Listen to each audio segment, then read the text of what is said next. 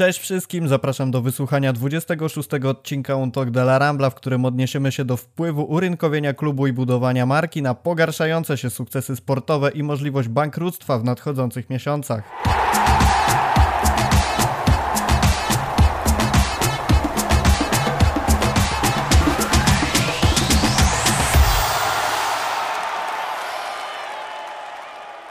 Jeżeli podcast to tradycyjne przypomnienie o subskrypcjach, łapkach w górę, dzwoneczkach, udostępnieniu naszego podcastu, a także pamiętajcie o hashtagu UTDLarambla, którym możecie oznaczać swoje komentarze, abyśmy potem mogli je przeczytać, odnieść się do nich, skomentować, a być może zasugerujecie nam jakiś ciekawy temat na kolejne podcasty.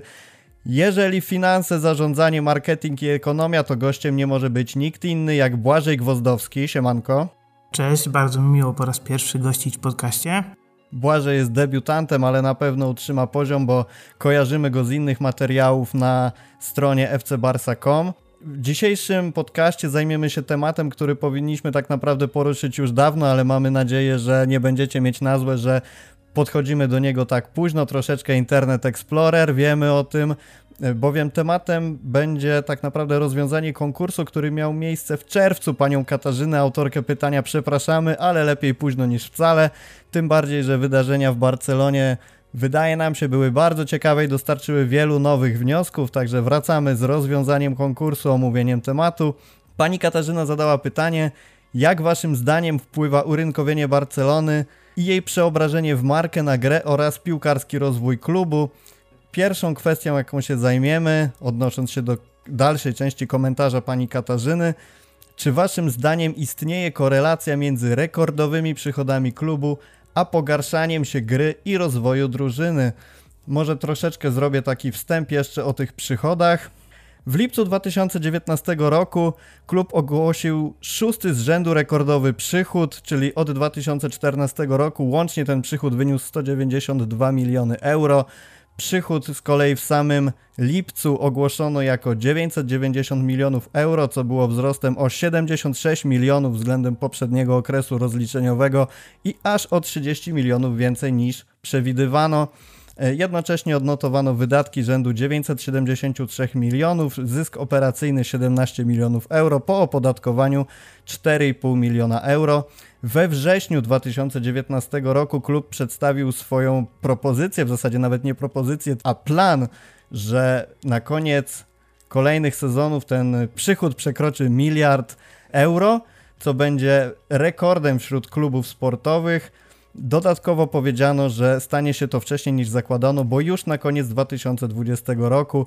Teraz mamy listopad 2020 roku i okazuje się, że Barcelona walczy z możliwością bankructwa, e, totalnej klapy, także e, pomijając jakby może trochę ten aspekt, że obecnie Barcelona jest w bardzo złej sytuacji, to rzeczywiście możemy zauważyć to, co napisała pani Katarzyna w komentarzu, że te rekordowe przychody w poprzednich latach, w poprzednich sezonach rzeczywiście występowały.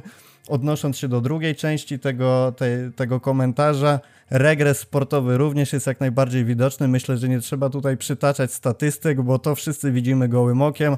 Gdzieś od trypletu aż po kompletną klapę w lidze, w lidze mistrzów. Teraz oddam głos Błażejowi. Czy sądzisz, że te statystyki, te przychody rekordowe rzeczywiście mogły negatywnie odbić się na e, formie sportowej Barcelony? Ja myślę, że to zbyt daleko idące uproszczenie, bo mamy dwa projekty. Pierwszy projekt to jest projekt stricte finansowy, drugi projekt jest projektem sportowym. Ja bym je rozpatrywał e, jednak mimo wszystko e, odrębnie, oba te projekty.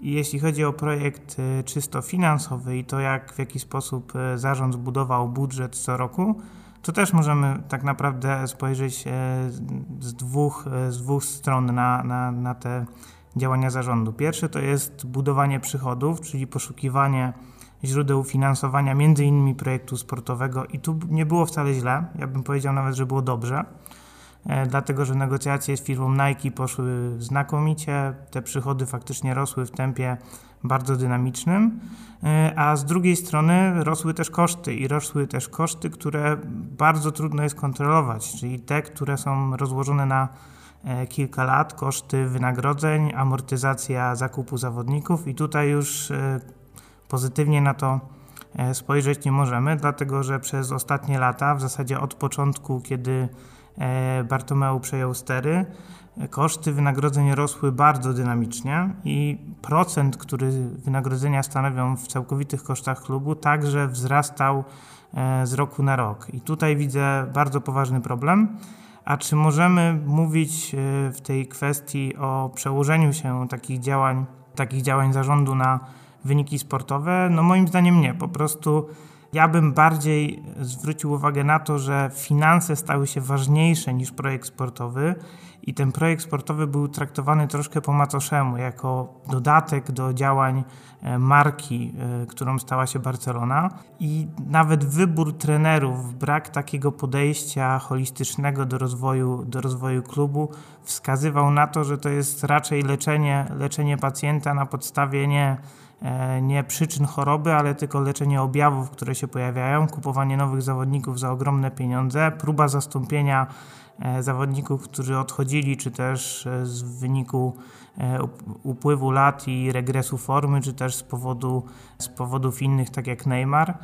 To wszystko było działaniem doraźnym, a działanie doraźnie nigdy nie prowadzi do długo, długoterminowej poprawy i to faktycznie przełożyło się w jakimś tam stopniu na wyniki sportowe, ale ja bym to wszystko zamykał w ramach projektu sportowego, który został zwyczajnie zepchnięty na drugi plan i stąd mamy taką sytuację, jaka jest teraz.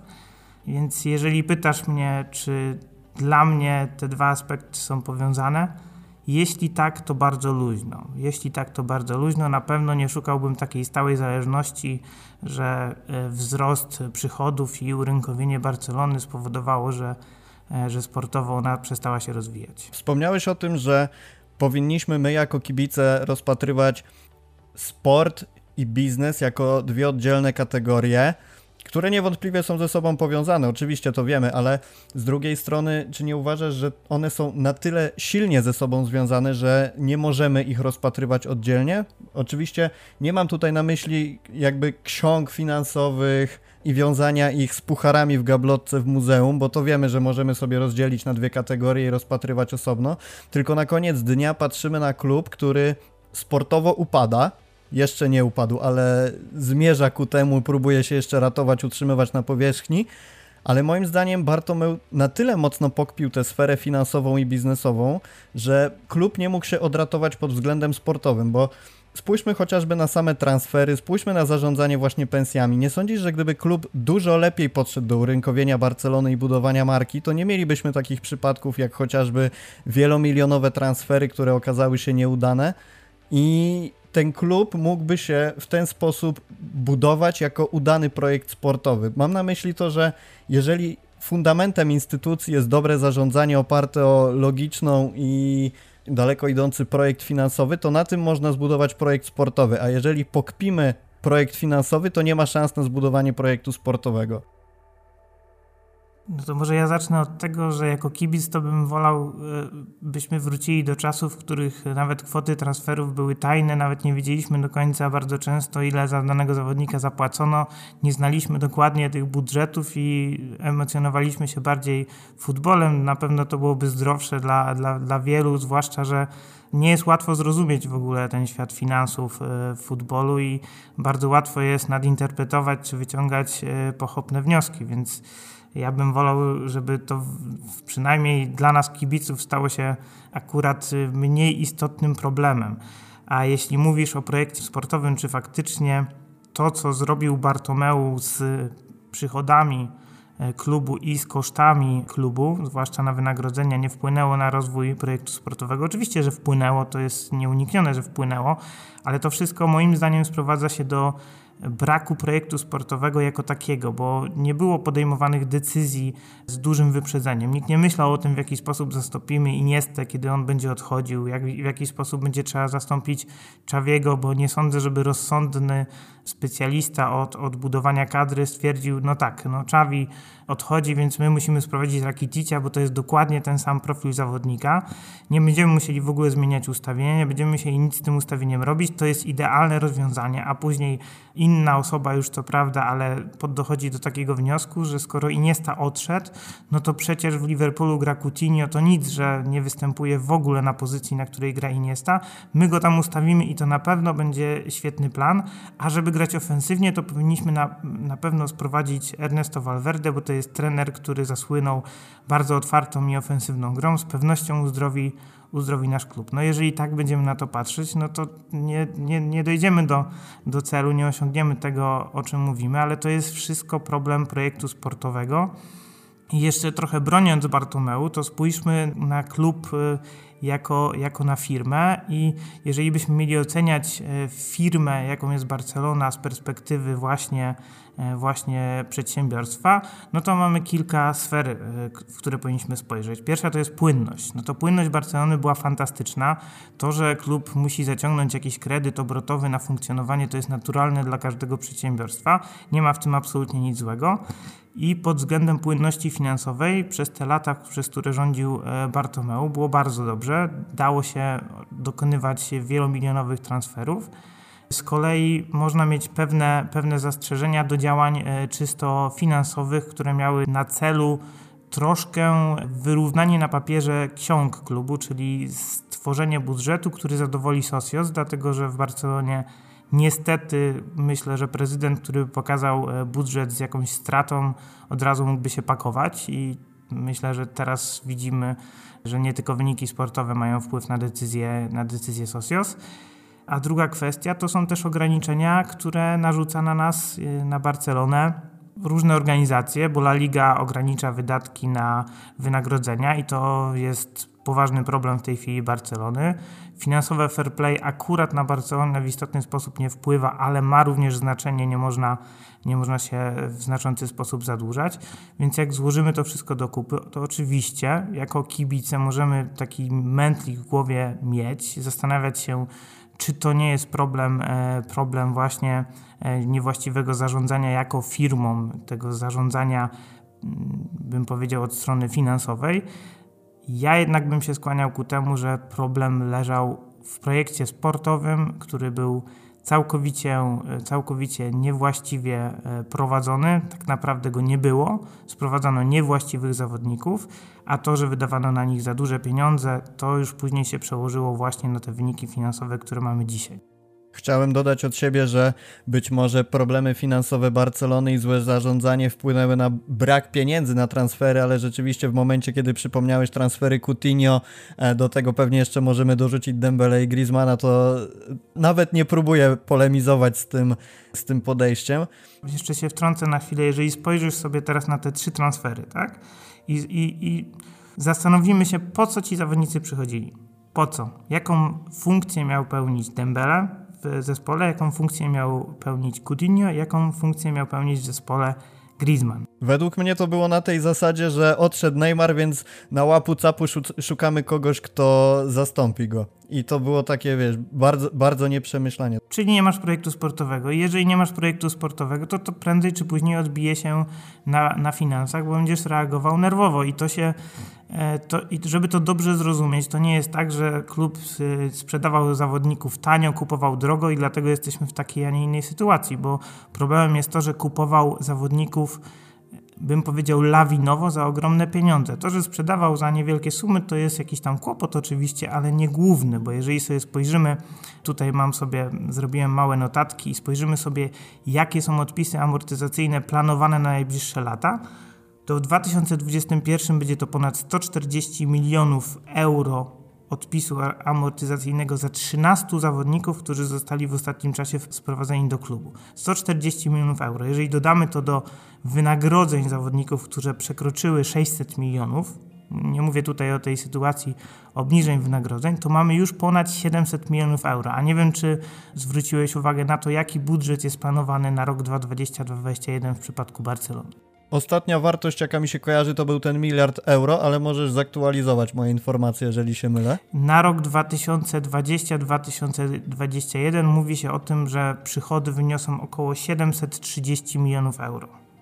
w wyniku pandemii. Czyli jeżeli podsumujemy sobie odpisy amortyzacyjne i dodamy do nich koszty wynagrodzeń na ten moment, które faktycznie są bez uwzględnienia tych obniżek, które są teraz e, negocjowane, a bardziej przesunięć wynagrodzeń, to otrzymamy całkowity przychód, który klub planuje na najbliższy rok. I to jest poważny kłopot, bo oczywiście to nie są wszystkie koszty, jakie trzeba ponieść, a nie widzę tutaj za bardzo wyjścia innego z sytuacji niż faktycznie sprzedaż zawodników i obniżenie wynagrodzeń, dlatego że to przewidywanie też 730 milionów, które przewiduje klub, ja myślę, że to jest dość, dość bliskie, bliskie prawdy.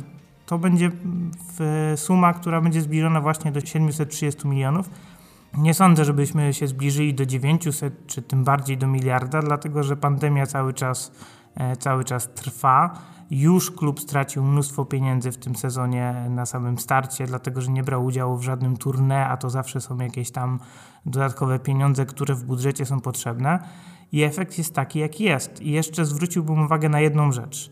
Limity płacowe La Liga.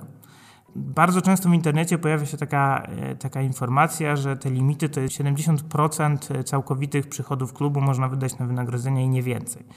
No i to nie jest do końca prawda. Po pierwsze 70%, ale z uwzględnieniem amortyzacji yy, zawodników, które, których się kupiło, czyli stopniowego zaliczania do kosztów kwot ich zakupu, czy bez tego.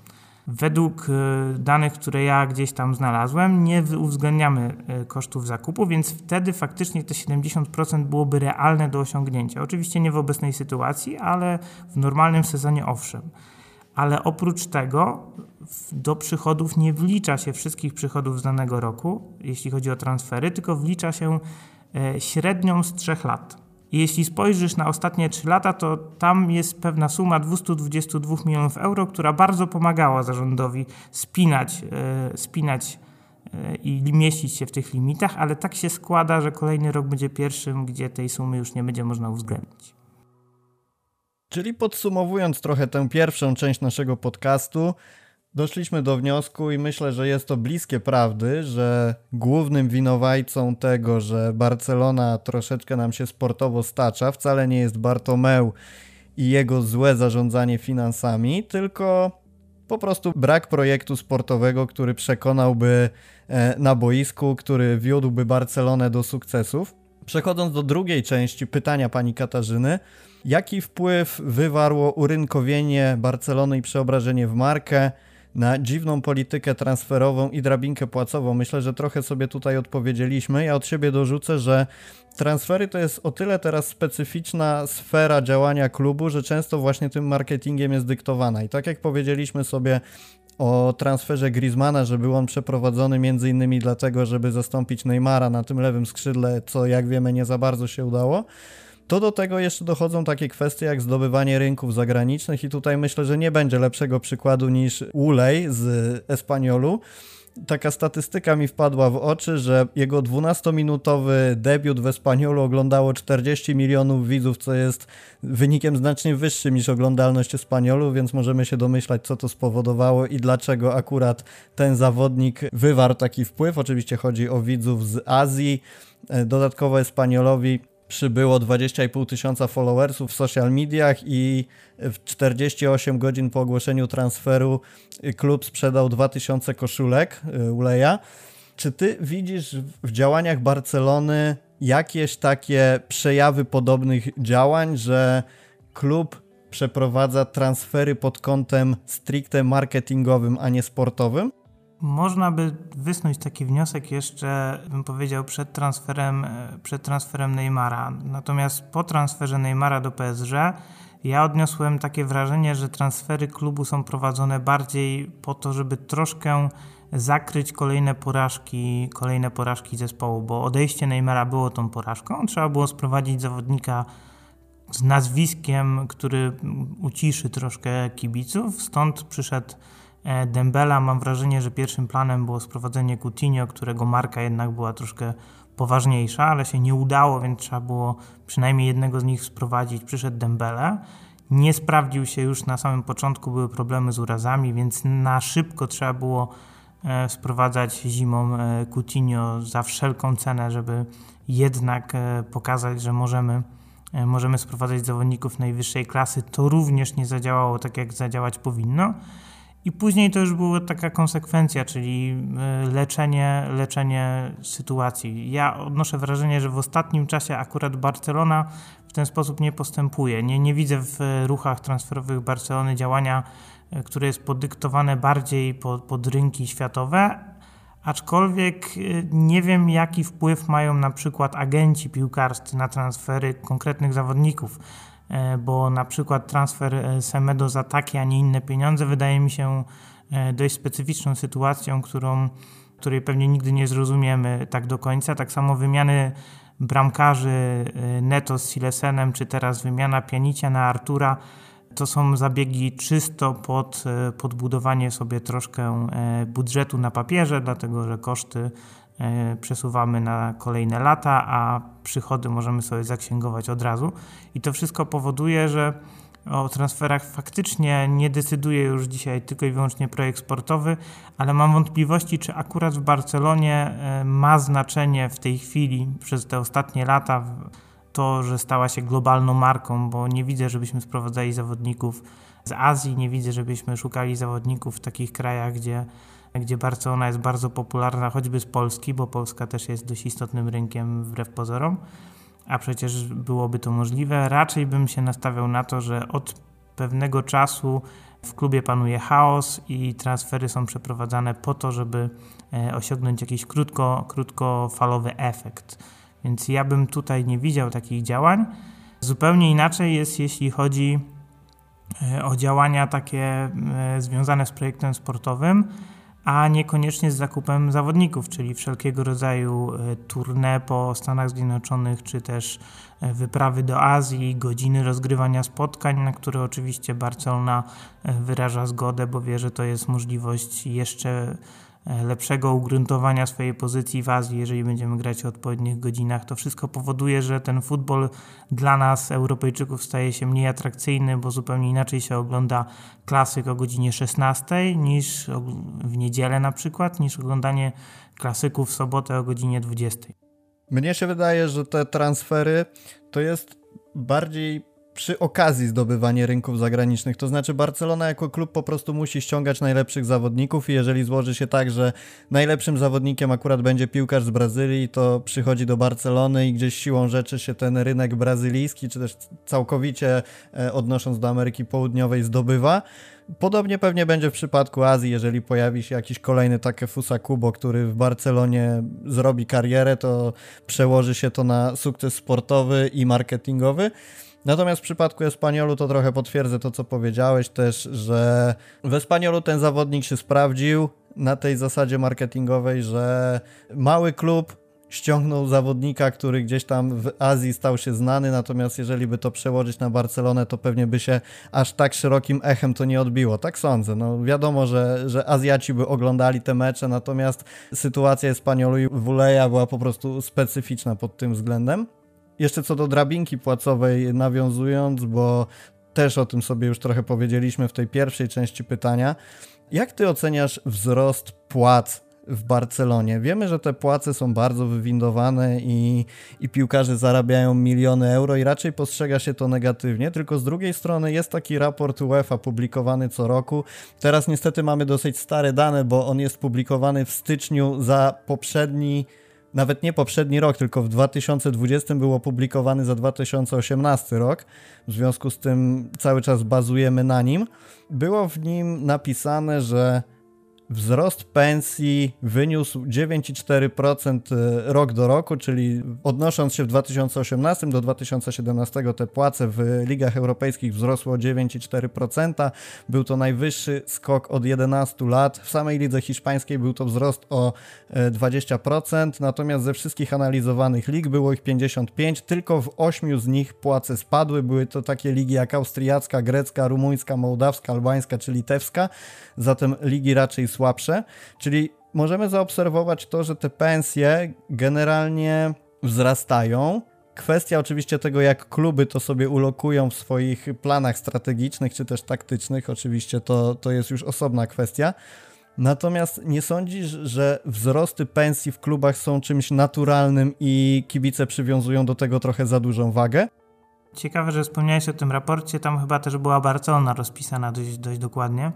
I w tym samym raporcie, jeżeli, jeżeli akurat myślimy o tym samym raporcie, było wyraźnie zaznaczone, że pensje, pensje całego sztabu, powiedzmy sekcji, sekcji sportowej, wynagrodzenia sekcji sportowej, e, osiągnęły wartość procentową ponad 80% wszystkich e, kosztów, jakie ma, jakie ma klub. I to było takie E, bym powiedział, uderzające, przy czym tam uwzględnione były również kwoty za, amortyzacji zakupu zawodników. Także tutaj amortyzacja e, zawyżała trochę ten procent, stąd on jest taki wysoki. Jak ja się zapatruję na wzrosty wynagrodzeń? O ile nie lubię regulacji i te regulacje bym najchętniej odrzucał, o tyle jeśli chodzi o uzależnienie od przychodów maksymalnych wydatków na wynagrodzenia, to nie jest głupi pomysł. Uważam, że La Liga wprowadziła to w sposób rozsądny, także ma to wpływ oczywiście na politykę Barcelony, e, jeśli chodzi o transfery i to, co w tej chwili się dzieje. To jest konsekwencja e, wiary w to, że skoro my się rozwijamy i rozwijaliśmy się przez tyle lat i ten przychód ciągle rośnie i już byliśmy blisko miliarda, to czemu mogło się to zmienić? No to Nassim Taleb napisał taką świetną książkę o, o tak zwanych czarnych łabędziach, czyli wydarzeniach, które zmieniają rzeczywistość o 180 stopni. No i Barcelona stała się ofiarą właśnie takiego czarnego łabędzia, dlatego że pandemia sprawiła, że przychody spadły o ponad 300 milionów euro i nagle się okazało, że to, co wydawało się zdrowym projektem opartym na tym, że wzrastają przychody, a my możemy płacić zawodnikom coraz więcej i stajemy się coraz większą marką, mamy coraz większą zdolność kredytową, możemy realizować coraz większe projekty nagle stało się, bym powiedział, nierentownym przedsiębiorstwem, dlatego że nie jesteśmy w stanie nawet pokryć e, zaplanowanych na najbliższe lata wydatków na wynagrodzenia. Więc pod tym kątem ja myślę, że e, trzeba patrzeć na każdy klub osobno. Wiadomo, że taki Ajax Amsterdam nie będzie nagle windował wynagrodzeń, dlatego że to jest dla nich wysoce niekorzystne, bo będzie wpływać na młodych zawodników, będzie prowadzać jakieś podziały, jeżeli nagle zaczną sprowadzać zawodników e, z zewnątrz i płacić im większe pieniądze, to trudno będzie im utrzymać rywalizację wśród młodych zawodników, więc e, w takich klubach raczej wzrost wynagrodzeń nie powinien być gwałtowny, a w takich klubach jak e, Real Barcelona czy też Manchester City to jest coś zupełnie naturalnego. Te wynagrodzenia pewnie po pewnym resecie, po pandemii znów zaczną rosnąć i będą rosnąć stale. To jest więcej niż oczywiste. Nie widzę w tym problemu, o ile wszystko jest pod kontrolą i są pewne E, regulacje, żeby tą kontrolę utrzymywać. Akurat w hiszpańskiej to działa bardzo dobrze, a że Barcelona nie potrafiła e, przewidywać i nie potrafiła zakładać jakiegoś marginesu bezpieczeństwa, to jesteśmy w takiej sytuacji, a nie innej. Dobra, to w takim razie przejdźmy do podsumowania, podsumowania i w zasadzie prognozy tej naszej części rozmowy. Jak sądzisz, co się stanie z Barceloną w najbliższym czasie? Mówi się o tym, że klub jest na skraju bankructwa. Ja szczerze mówiąc nie wierzę w to, że Barcelona upadnie. Nie wierzę w to, że obudzimy się któregoś dnia i na FC Barca.com będzie oficjalnie Camp Nou do zaorania, klub przestaje istnieć, bo wydaje mi się, że to jest zbyt absurdalna w ogóle rzeczywistość i ciężko o to po prostu przy takiej marce, właśnie przy takim ulokowaniu się na rynku, jaki obecnie ma Barcelona. Natomiast nie możemy ukrywać tego, że sytuacja finansowa jest lekko mówiąc taka sobie. Jak ty widzisz to, co może stać się z Barceloną w nadchodzących tygodniach, może miesiącach? Co się może stać, to zależy od kampanii wyborczej oczywiście, bo ja jestem święcie przekonany, że dla każdego kandydata e, przedstawienie sytuacji Barcelony w jak najgorszym świetle będzie podstawą, bo to będzie uzasadniało jakieś radykalne działania i będzie też powodowało, że wybaczy się więcej, jeśli chodzi o sam projekt sportowy. I jak ja, jakie ja działania przewiduję? Przede wszystkim sprzedaż zawodników. Zakładam, że Messi jednak odejdzie, dlatego że jego wynagrodzenie jest tutaj największym problemem. Pewnie zostanie ładnie pożegnany i odejdzie z klubu e, po tym sezonie. Jeżeli się to nie wydarzy, no to zakładam, że nie będzie już w klubie na pewno Dembele i być może jeszcze kilku zawodników z wysokimi wynagrodzeniami pożegna się z klubem, pewnie Piqué e, nagle gdzieś e, stwierdzi, że będzie budował swoją markę w Stanach Zjednoczonych, a Busquets poszuka gry z Iniestą e, w Chinach, czy w Japonii i w ten sposób powoli te problemy finansowe Barcelony przestaną przyświecać projekt sportowy. Nie sądzę, żeby bankructwo było realnym scenariuszem. Mam wrażenie, że tutaj bardziej chodzi o, e, o to, żeby e, pokazać e, problem i pokazać, że faktycznie istnieje taka procedura, w której zgłoszenie procesu upadłości byłoby czymś naturalnym, co nie znaczy, że nagle Barcelona by zbankrutowała, bo od jednego punktu do drugiego jeszcze daleka droga. E, odbije się to na projekcie sportowym bardzo. Będzie trzeba wrócić troszkę do gry wychowankami, bo to jest nieuniknione. E, gdzieś trzeba będzie też poszukać dodatkowych przychodów, stąd ten nowy projekt, myślę, Espa i Barsa się rozrósł, bo wbrew pozorom pierwsze podejście do tego, do tego projektu, zakładające koszty całej inwestycji dużo niższe i dużo niższe przychody na poziomie bodaj 50 milionów rocznie, było takim e, zdroworozsądkowym podejściem. Natomiast teraz szuka się w tym projekcie czegoś na miarę 150 milionów przychodu rocznie, z czego 50 milionów przez 25 lat trzeba będzie oddawać bankowi Goldman Sachs, który ma e, nam to sfinansować. To wszystko pokazuje, że klub szuka dodatkowego przychodu, szuka tych przychodów na najbliższe lata, po to, żeby w jakiś tam sposób odwrócić tą obecną sytuację, która faktycznie staje się powoli dramatyczna. Ja myślę, że po pierwsze odejdzie kilku ważnych zawodników, po drugie zawodnicy, którzy przyjdą nie będą mieli wielkich nazwisk, nie wierzę w to, że, że przyjdzie na przykład Lautaro, bo to jest jednak e, piłkarz, który ma już zbyt wysoką markę, żeby sprowadzać go do Barcelony. To wynagrodzenie pewnie byłoby jednym z najwyższych e, w zespole po, w erze po Messim. Nie wiem, czy klub będzie mógł sobie na to pozwolić. Będzie drużyna złożona z zawodników bardzo często przeciętnych, wychowanych w klubie, kilku lepszych, sprowadzonych właśnie teraz w ostatnich latach grająca w Lidze Mistrzów regularnie, walcząca oczywiście z Realem o mistrzostwo, ale musimy się przygotować na to, że role się trochę odwrócą i prawdopodobnie to Real, który przez tą pandemię przeszedł suchą stopą i był przygotowany na to, e, by poprzesuwać sobie niektóre koszta i przychody księgowo i wykazać, że stać ich na pewne działania. Real, który buduje w tej chwili stadion w najlepszym możliwym momencie, kiedy i tak nie można zgromadzić kibiców podczas meczów. Troszkę Barcelonę powinien w najbliższym czasie niestety zdystansować. Jedyne, co może mm, obronić projekt Barcelony, to są zawodnicy wychowani w klubie. Czyli jeżeli faktycznie młodzi zawodnicy, których częściowo sprowadzono, a częściowo wychowano w klubie, e, zaczną grać na odpowiednim poziomie, to Barcelona będzie mogła e, faktycznie walczyć tak jak to było przez ostatnich kilkanaście lat. Jeżeli nie, to się role troszkę odwrócą i wrócimy do sytuacji, w której, e, w której to jeden e, z wielkich jednak w Hiszpanii rządził. Co do Realu, to mnie zastanawia ich sytuacja kadrowa, bo wiemy, że e, transferów w tym okienku nie było, jedynie co to Odegaard przyszedł. Na ten sezon prawdopodobnie, tak sądzę, im to wystarczy. Zobaczymy, jak długoterminowo, natomiast realnie jest tematem podcastu. Na koniec jeszcze chciałem Cię zapytać o coś, co już wspomniałeś.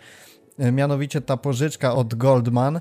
Wielu, naprawdę wielu kibiców na Rambli bardzo negowało tę e, decyzję zarządu, żeby tę pożyczkę wziąć. Natomiast ja uważam, że jeżeli klub chce się rozwijać, to gdzieś te kredyty, pożyczki muszą być zaciągane celem inwestycji, celem rozwoju i Jestem ciekawy, jak ty to oceniasz ze swojego punktu widzenia. Czy rzeczywiście jest to negatywna decyzja, czy jest to konieczność, żeby klub przetrwał, czy może po prostu rozsądne zachowanie, żeby klub dalej budować? To może zadajmy sobie pytanie, a czy wolałbyś, żeby Barcelona grała nadal na takim Camp Nou, jak, na jakim gra obecnie? E, szczerze mówiąc, mi jako kibicowi, który raz na bar bardzo rzadko widuje mecze ze stadionu i z trybun, nie jest to jakaś, wiesz, y, taka rzecz niezbędna dla mnie. Wiadomo, że wolałbym nowy stadion z lepszą infrastrukturą, natomiast jeżeli zadamy pytanie, czy wolę, żeby klub zmagał się z wielkimi długami, czy rozgrywał mecze na nieco starszym stadionie, to wolę, żeby rozgrywał mecze na starszym stadionie.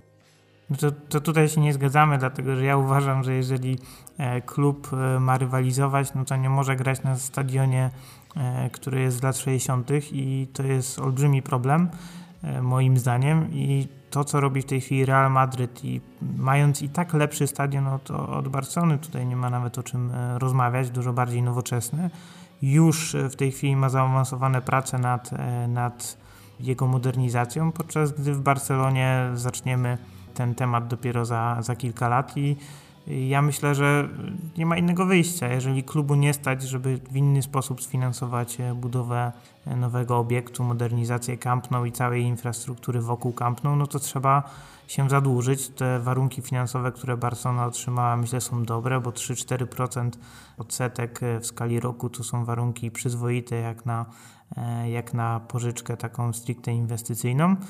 Mam wątpliwości, czy da się faktycznie z tego projektu wycisnąć 150 milionów euro rocznie, bo jeżeli się nie da, jeżeli będziemy się zbliżać do tych 50, które trzeba będzie płacić mm, rok rocznie bankowi Goldman e, za sfinansowanie całego projektu, no to może się okazać, że faktycznie kłopoty się pojawiły i, i gdzieś tam finansowo to się nie zgrywa, zwłaszcza, że utrzymanie takiej infrastruktury też kosztuje, a mówimy tutaj o perspektywie finansowania tego przez 25 lat. To jest e, szmat czasu, to się pewnie rozłoży na kilka różnych zarządów, kilku prezydentów, różne fazy, jeśli chodzi o sukcesy sportowe klubu i cały czas będzie to ciążyło. Te, te 50 milionów euro rok, e, co roku trzeba będzie e, odłożyć przez 25 lat. Także to jest podobna sytuacja jak z każdym z nas, gdy bierze kredyt mieszkaniowy E, no już będzie musiał z nim żyć, więc to jest decyzja, która faktycznie może nie jedną osobę przerażać, ale w skali przychodów klubu, która